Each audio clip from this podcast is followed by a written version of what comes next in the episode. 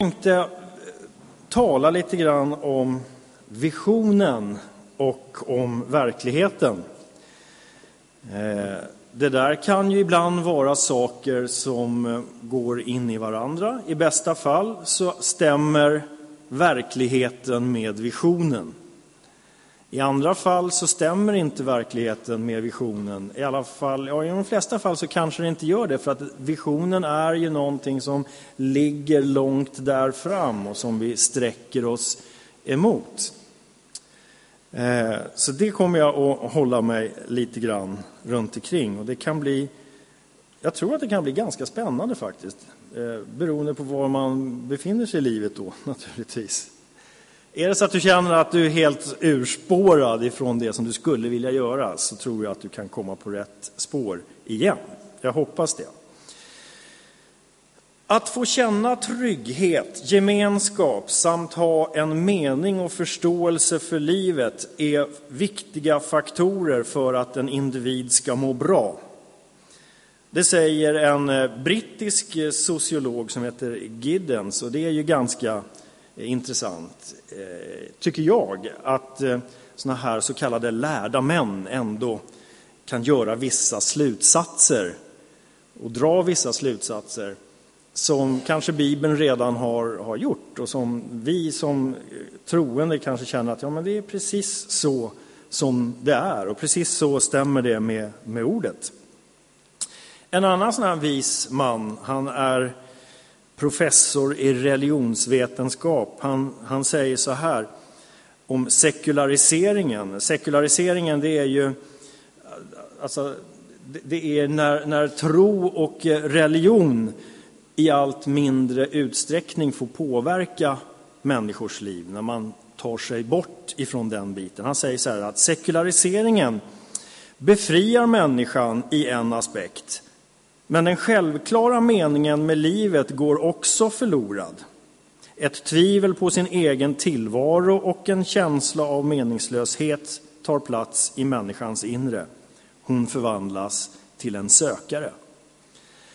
Och eh, jag tycker det här är ju jätteintressant att eh, låta de här två vise männen få lägga en grund då för den här undervisningen som jag vill ge de här korta minuterna. Eller jag kanske inte ska kalla det för undervisning, jag kan kalla det för reflektioner snarare.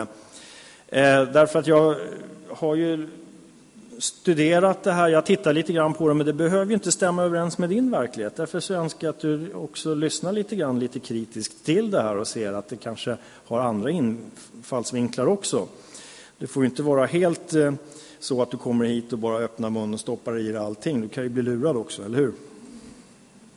Man vet ju aldrig. Och det är ju det som skiljer oss ifrån sekter, bland annat, har jag fått reda på.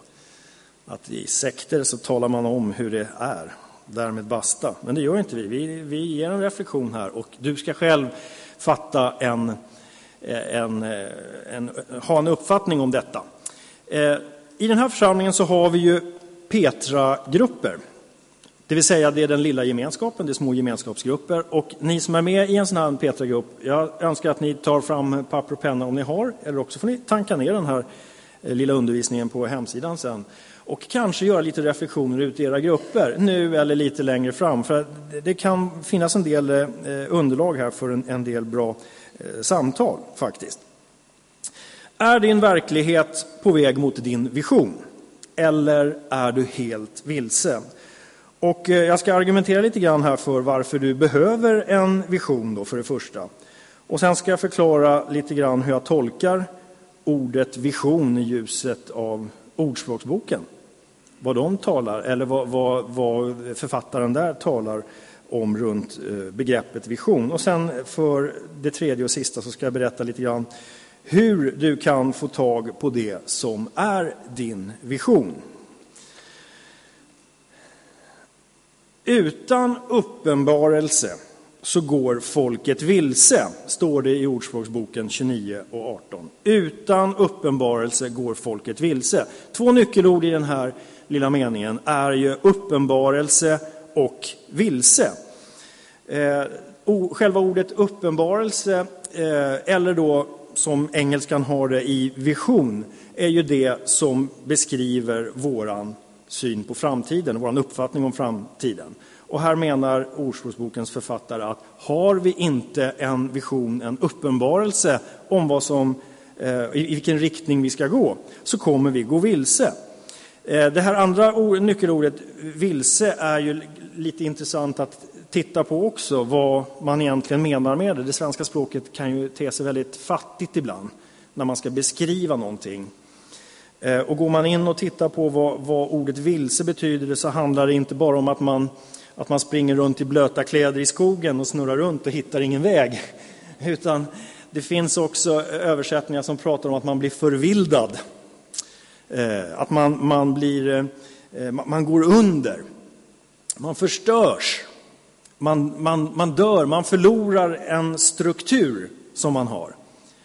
Eh, utan den här uppenbarelsen. Och då får vi helt enkelt ett annat, eh, en annan infallsvinkel på varför det är så viktigt med att, att vi ska ha en vision. Vi vill ju inte att, att vi ska driva omkring helt eh, som, som skepp utan roder. Vi vill ju inte att vi ska ha en, en meningslös tillvaro. Vad, vad händer när vi hamnar i, den, i det läget? Vi blir apatiska, vi blir självdestruktiva, vi, vi kommer ingenstans och det, det, det slutar illa för oss. Och det säger Ordspråksboken att, att så är det. Traditionellt sett så har det här bibelstället, Ordspråksboken 29.18, använts flitigt inom den kristna managementundervisningen kan man väl säga. Där talar man om att vi måste ha en vision för, för det hela. Ni måste bygga upp eh, en vision. Vad vill Gud? Sen måste ni ha mål också. Bam, bam, bam, tre mål. Och sen så ska ni ha delmål till varje mål också. Och så rasar det på med massa grejer. Och, och så ska ni ha eh, värderingar till allt det där. Och så bygger man upp allting runt omkring det här. Men jag är inte riktigt säker på att, att det var så författaren menade här till Ordspråksboken. Att det handlar bara om organisationer och kanske en församlings arbete, så här som vi har. Utan det passar väldigt bra in på ditt och mitt liv också, faktiskt. Vi behöver en vision, annars går vi under. Vaknar du imorgon och vet inte vad du ska göra, eh, du vet inte varför du är till, du vet ingenting, då kommer du förmodligen att bli kvar i din säng helt apatisk. En, en del vill nog väldigt gärna vara kvar i sin säng imorgon bitti. Eh, det tror jag. En del nickar ivrigt. Ja. Men sen, sen när det här liksom har gått ett antal dagar, veckor, månader kanske, då är det inte kul att ligga kvar där i sängen och inte ha någonstans att ta vägen eller hänga upp sitt liv på.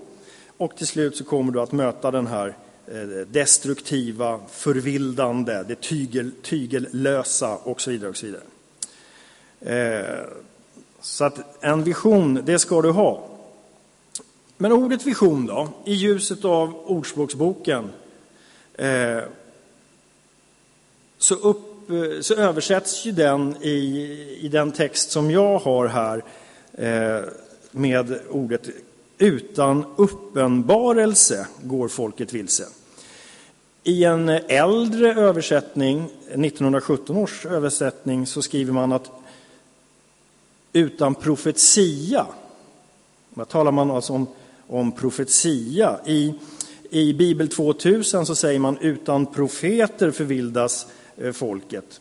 Levande bibel säger utan Guds uppenbarelse då. De engelska översättningarna pratar om eh, no vision och det är därifrån som vi ofta då tolkar in det här, visionen, utan vision. Eh, en annan engelsk översättning handlar om No Prophecy.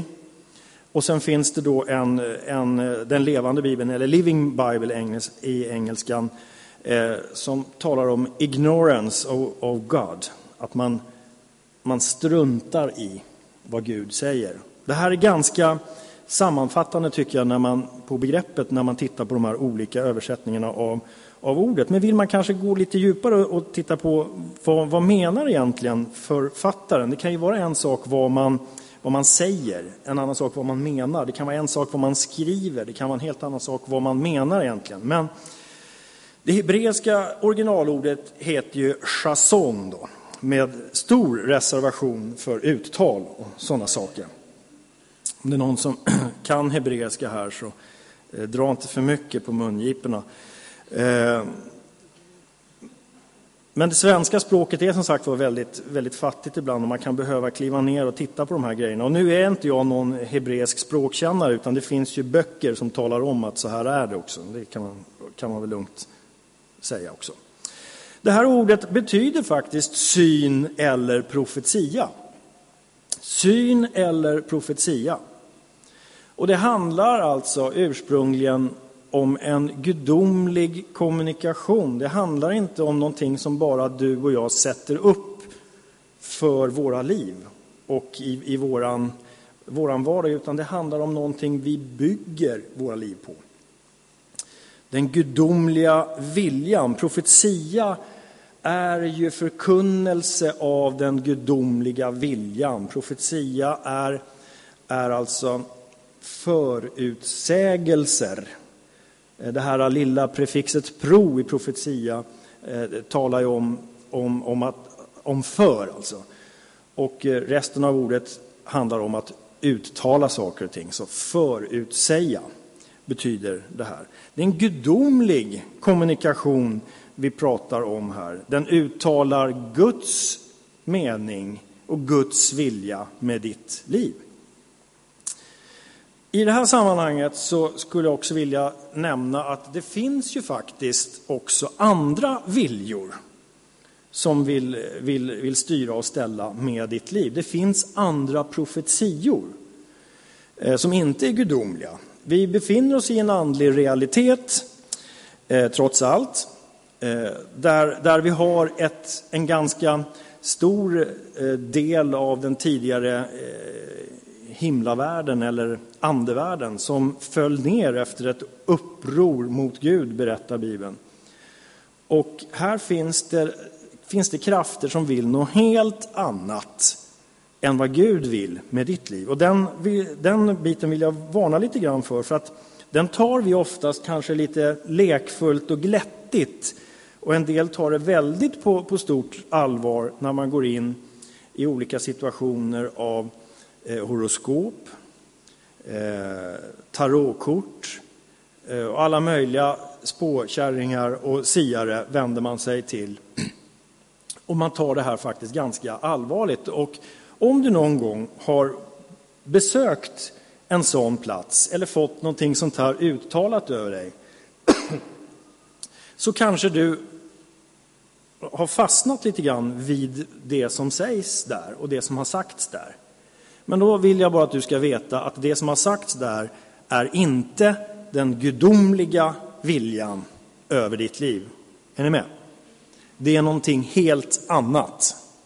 Så det som har sagts där ska inte binda dig tankemässigt, känslomässigt eller någonting, för det är någonting helt annat. Du ska hålla dig till det som är den gudomliga viljan. Och varför det då? Jo, därför att du är designad av Gud Ingen annan. Det är Gud som har designat dig. Hur får du tag på din vision? Och det har lite grann med att göra det här. Att du faktiskt är designad av Gud.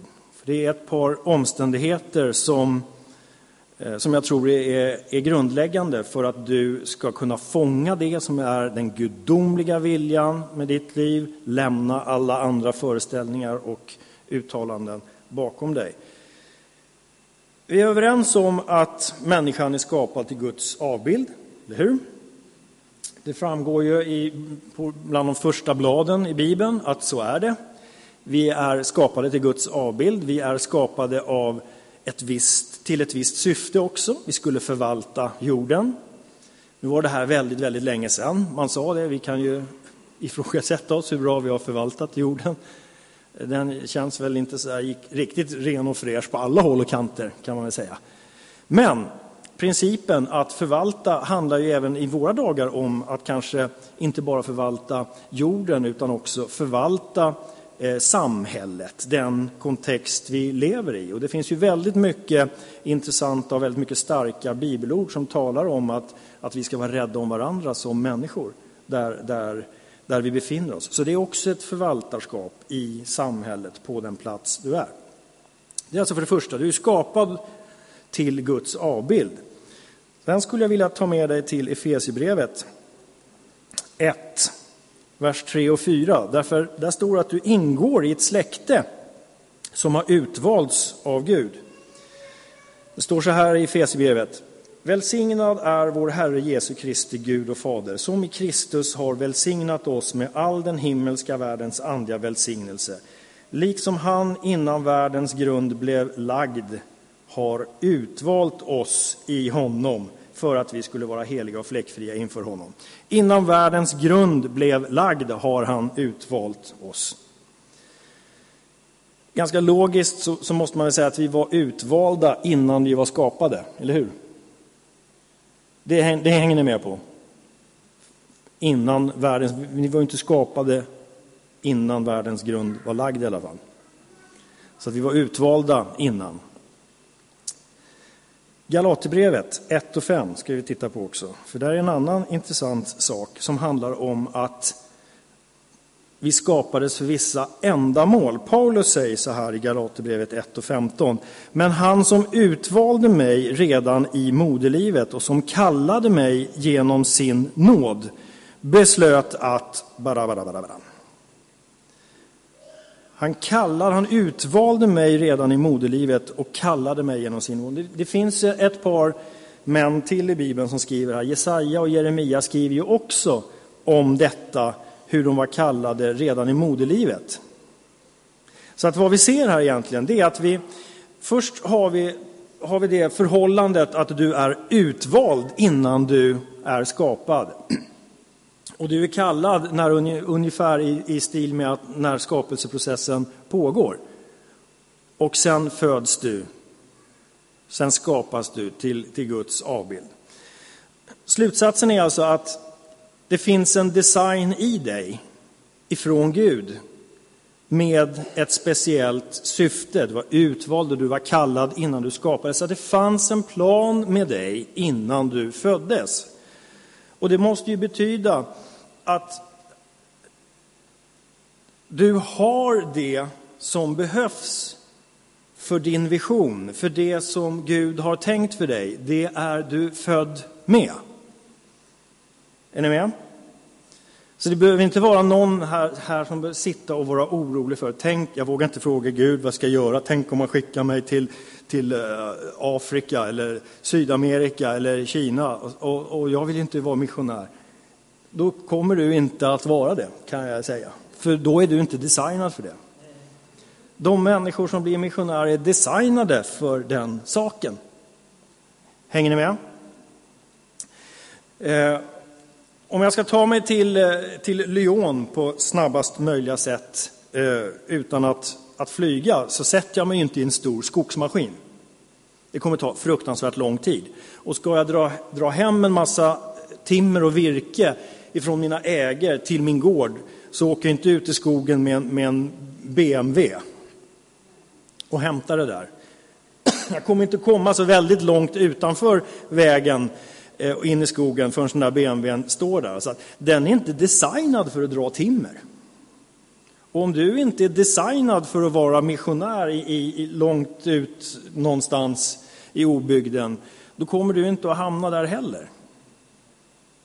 Så att någonstans inom dig finns någonting som ändå brinner, någonting i dig som lever, som innebär att du var ämnad att göra någonting alldeles speciellt. Det vill Gud uppenbara för dig. Hur ska jag få tag på min vision då? Nu kan det ju vara lätt kanske att man, att man kommer och säger så här ska du göra. Eh, och, och, sen så kommer du hitta, hitta din vision. Och det kommer inte att bli så. Alltså, det kommer inte att, att bli på det sättet att din vision hamnar hos dig likt ett, eh, ett, ett brev på posten eller ett ett e-mail där det står ett antal instruktioner och punkter. Så här är det. Utan jag tror att det är en process som pågår under väldigt lång tid och en process som kan ta sig lite olika vägar också.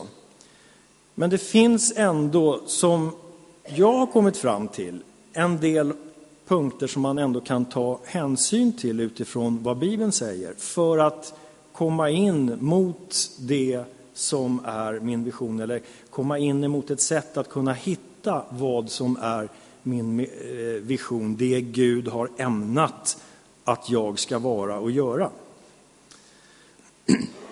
Svaret finns faktiskt delvis då, eller för det första kan vi säga, i den andra delen av den här versen i Ordspråksboken 29.18. Jag tror att de här hör ihop. Läser man den här versen först så undrar man hur tänkte han nu? Jag går tillbaka till Ordspråksboken och så läser vi. Utan uppenbarelse går folket vilse. Lycklig är den som tar vara på Guds undervisning. Och det där kan man ju fundera på, hur, hur hänger det där ihop nu då? Men det är ju så ändå, tror jag, att undervisningen utgör en grund. Det är en förutsättning för dig att hamna i den gudomliga visionen. Därför att Guds undervisning, det här ordet Tora då, alltså Guds lag, det Gud säger,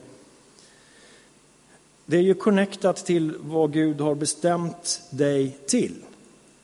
Så lyssnar du på hans undervisning, då hamnar du ju i hans plan. Du kommer aldrig hamna i den gudomliga planen och i, i din, alltså den, den vision som Gud har tänkt för dig om du lyssnar på någon annan undervisning än Guds undervisning. Eller hur? Det är det som kommer att ta dig fram. Vi ska titta i eh, Andra Timoteusbrevet 3 och 16. För där står det så här nämligen att hela skriften är utandad av Gud och nyttig till undervisning, till bestraffning, till upprättelse och till fostran i rättfärdighet. För att gudsmänniskan ska bli fullt färdig, väl rustad för varje god gärning. Så där är början till att ta sig fram till vad är det för någonting som jag egentligen ska göra, vad är meningen med mitt liv? Ta vara på undervisningen för den kommer att rusta dig inför varje god gärning. Och jag är övertygad om att, att det är goda gärningar som du ska jobba med på det ena eller det andra sättet i alla fall. Så för det första, utrusta dig genom att ta vara på undervisningen.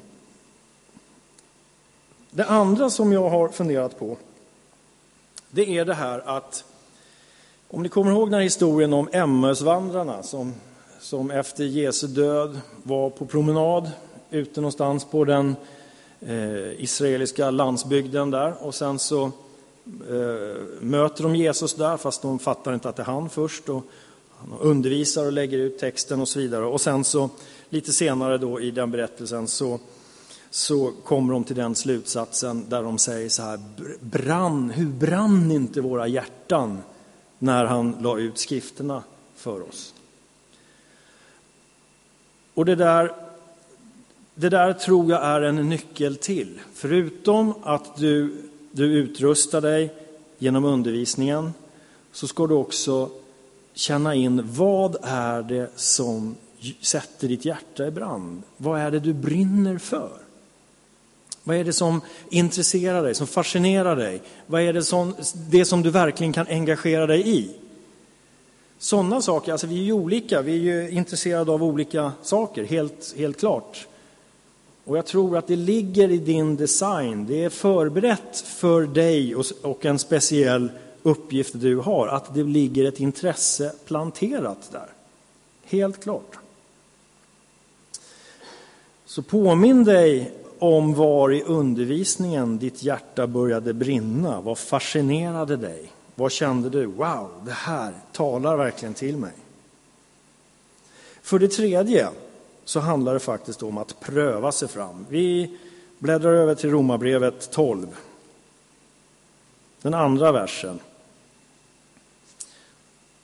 Så står det, och anpassa er inte efter den här världen, utan låt er förvandlas genom sinnets förnyelse så att ni kan pröva vad som är Guds vilja. Anpassa er inte efter den här världen, förnya era sinnen. Alltså du kan, det finns ju ingenting egentligen som, som i Bibeln som, som har ett stöd för att du ska stå still någonstans. Vi lever i en förändrig värld, eller hur? Du måste förnya ditt sinne för att kunna komma vidare. Fastnar du i 30-talet så sitter du där och är urtråkig utifrån ett perspektiv på 2010, eller hur? Jag pratar med jättemycket människor som på mitt arbete så där, som man har pratat med som där man lyckas motivera folk att byta sysslor. Det de har gjort under många års tid lämnar de bakom sig, går över och jobbar med någonting annat. Och sen träffar man dem efter en, en liten stund och frågar hur är det? Ja, det är fantastiskt alltså. Det här skulle jag gjort för länge sedan. Ni känner igen det? det är, och, och, det är liksom för att vi oftast sitter fast. Och här säger, rekommenderar oss Bibeln, eh, Bibeln rekommenderar oss här att anpassa er inte efter världen, utan förnya ert sinne. För, förnya ert sinne. En ständig utveckling, fastna inte här. Så att ni kan pröva vad som är Guds vilja. Pröva vad som är Guds vilja. Om man, om man prövar, då måste man alltså ge sig ut också i någonting. Ja, jag vet inte om Gud vill att jag ska göra det här. Jag, måste, jag åker hem och, och funderar en stund till. Jag är inte säker på att det här är Guds vilja. Jag, gör, jag, gör så här, jag, jag avvaktar. Du måste pröva. Det innebär ju också naturligtvis att vissa saker som man gör kanske inte funkar. Och världen behöver inte ramla ihop för den sakens skull heller. Men du kan ju liksom sträcka dig ut och se om det håller. Du kan sträcka dig ut och se om det är din grej. Du kanske till och med kommer in i något sammanhang som egentligen bara har saknat en sån som dig. Till och med. Tänk. det kan förändra saker och ting. Första Thessalonikerbrevet 5.20 ska ge dig ett till bibelord här på detta med att pröva. Det är känt, känner du säkert igen. Förakta inte profetier. Här har vi det här igen. Profetier, någon förutsäger, någon talar om, om framtiden. Förakta inte profetier, men pröva allt. Behåll det goda och håller borta från all slags ont. Pröva allt, behåll det goda. Är det inte en ganska okej okay inställning ändå? Testa. Var det något att ha så ta det. Var det inte det så låt det vara. Se det som en erfarenhet. Det kan kännas skönt att ha den, den biten med sig. Till sist, för det fjärde. Våga utsätta dig för förbön. Våga öppna dig för andra människor och tala om vad du önskar, vad du tänker, vad du vill. Och det är därför som jag tänkte hinta lite grann åt, åt våra Eh, smågruppsledare, våra Petra-ledare. Det här skulle kunna vara någonting som ni skulle kunna eh, jobba med i smågrupperna. För det är lättare i smågrupperna att eh, öppna sig för varandra och prata om vad man tror om sin framtid och så här, än att vi ska komma fram allihopa här och, och göra det, eller hur? Eh, och då kan du också i den gruppen utsätta dig för förbön. Du kan utsätta dig för förbön ikväll också faktiskt. Vi ska, eh, Eh, vi ska strax gå in i ett sådant moment. Men jag ska visa dig på ett par ställen om vad den här förbönen ska handla om. För det här, vad jag säger är ju liksom inte att du ska komma fram för förbön och så är det någon som, som profeterar över och säger att du ska göra si, du ska göra så. Alltså det, det beslutet kommer helt och hållet att ligga hos dig. Det beslutet kan, eh, kan du ha tagit för, för länge sedan. Du kan vara inne i någonting nu.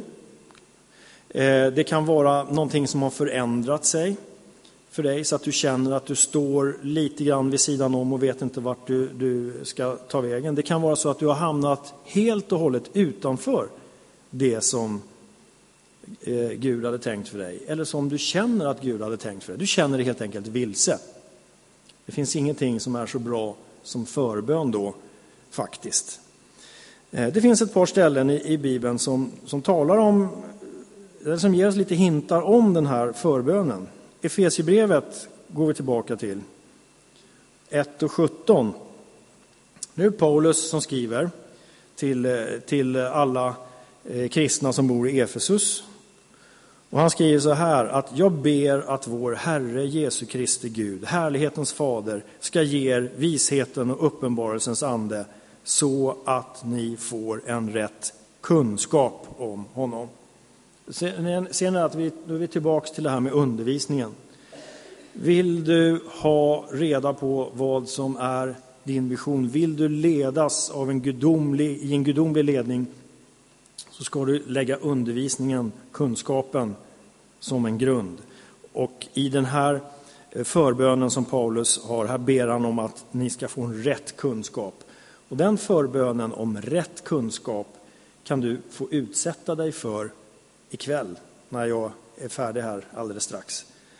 Och är det så att du eh, eh lyssnar på det här då via, via eh, podcasten här så kan du utsätta dig för den förbönen på andra ställen också. Eh, våra Petragrupper, ni som är med där, kan utsätta er för den förbönen där också.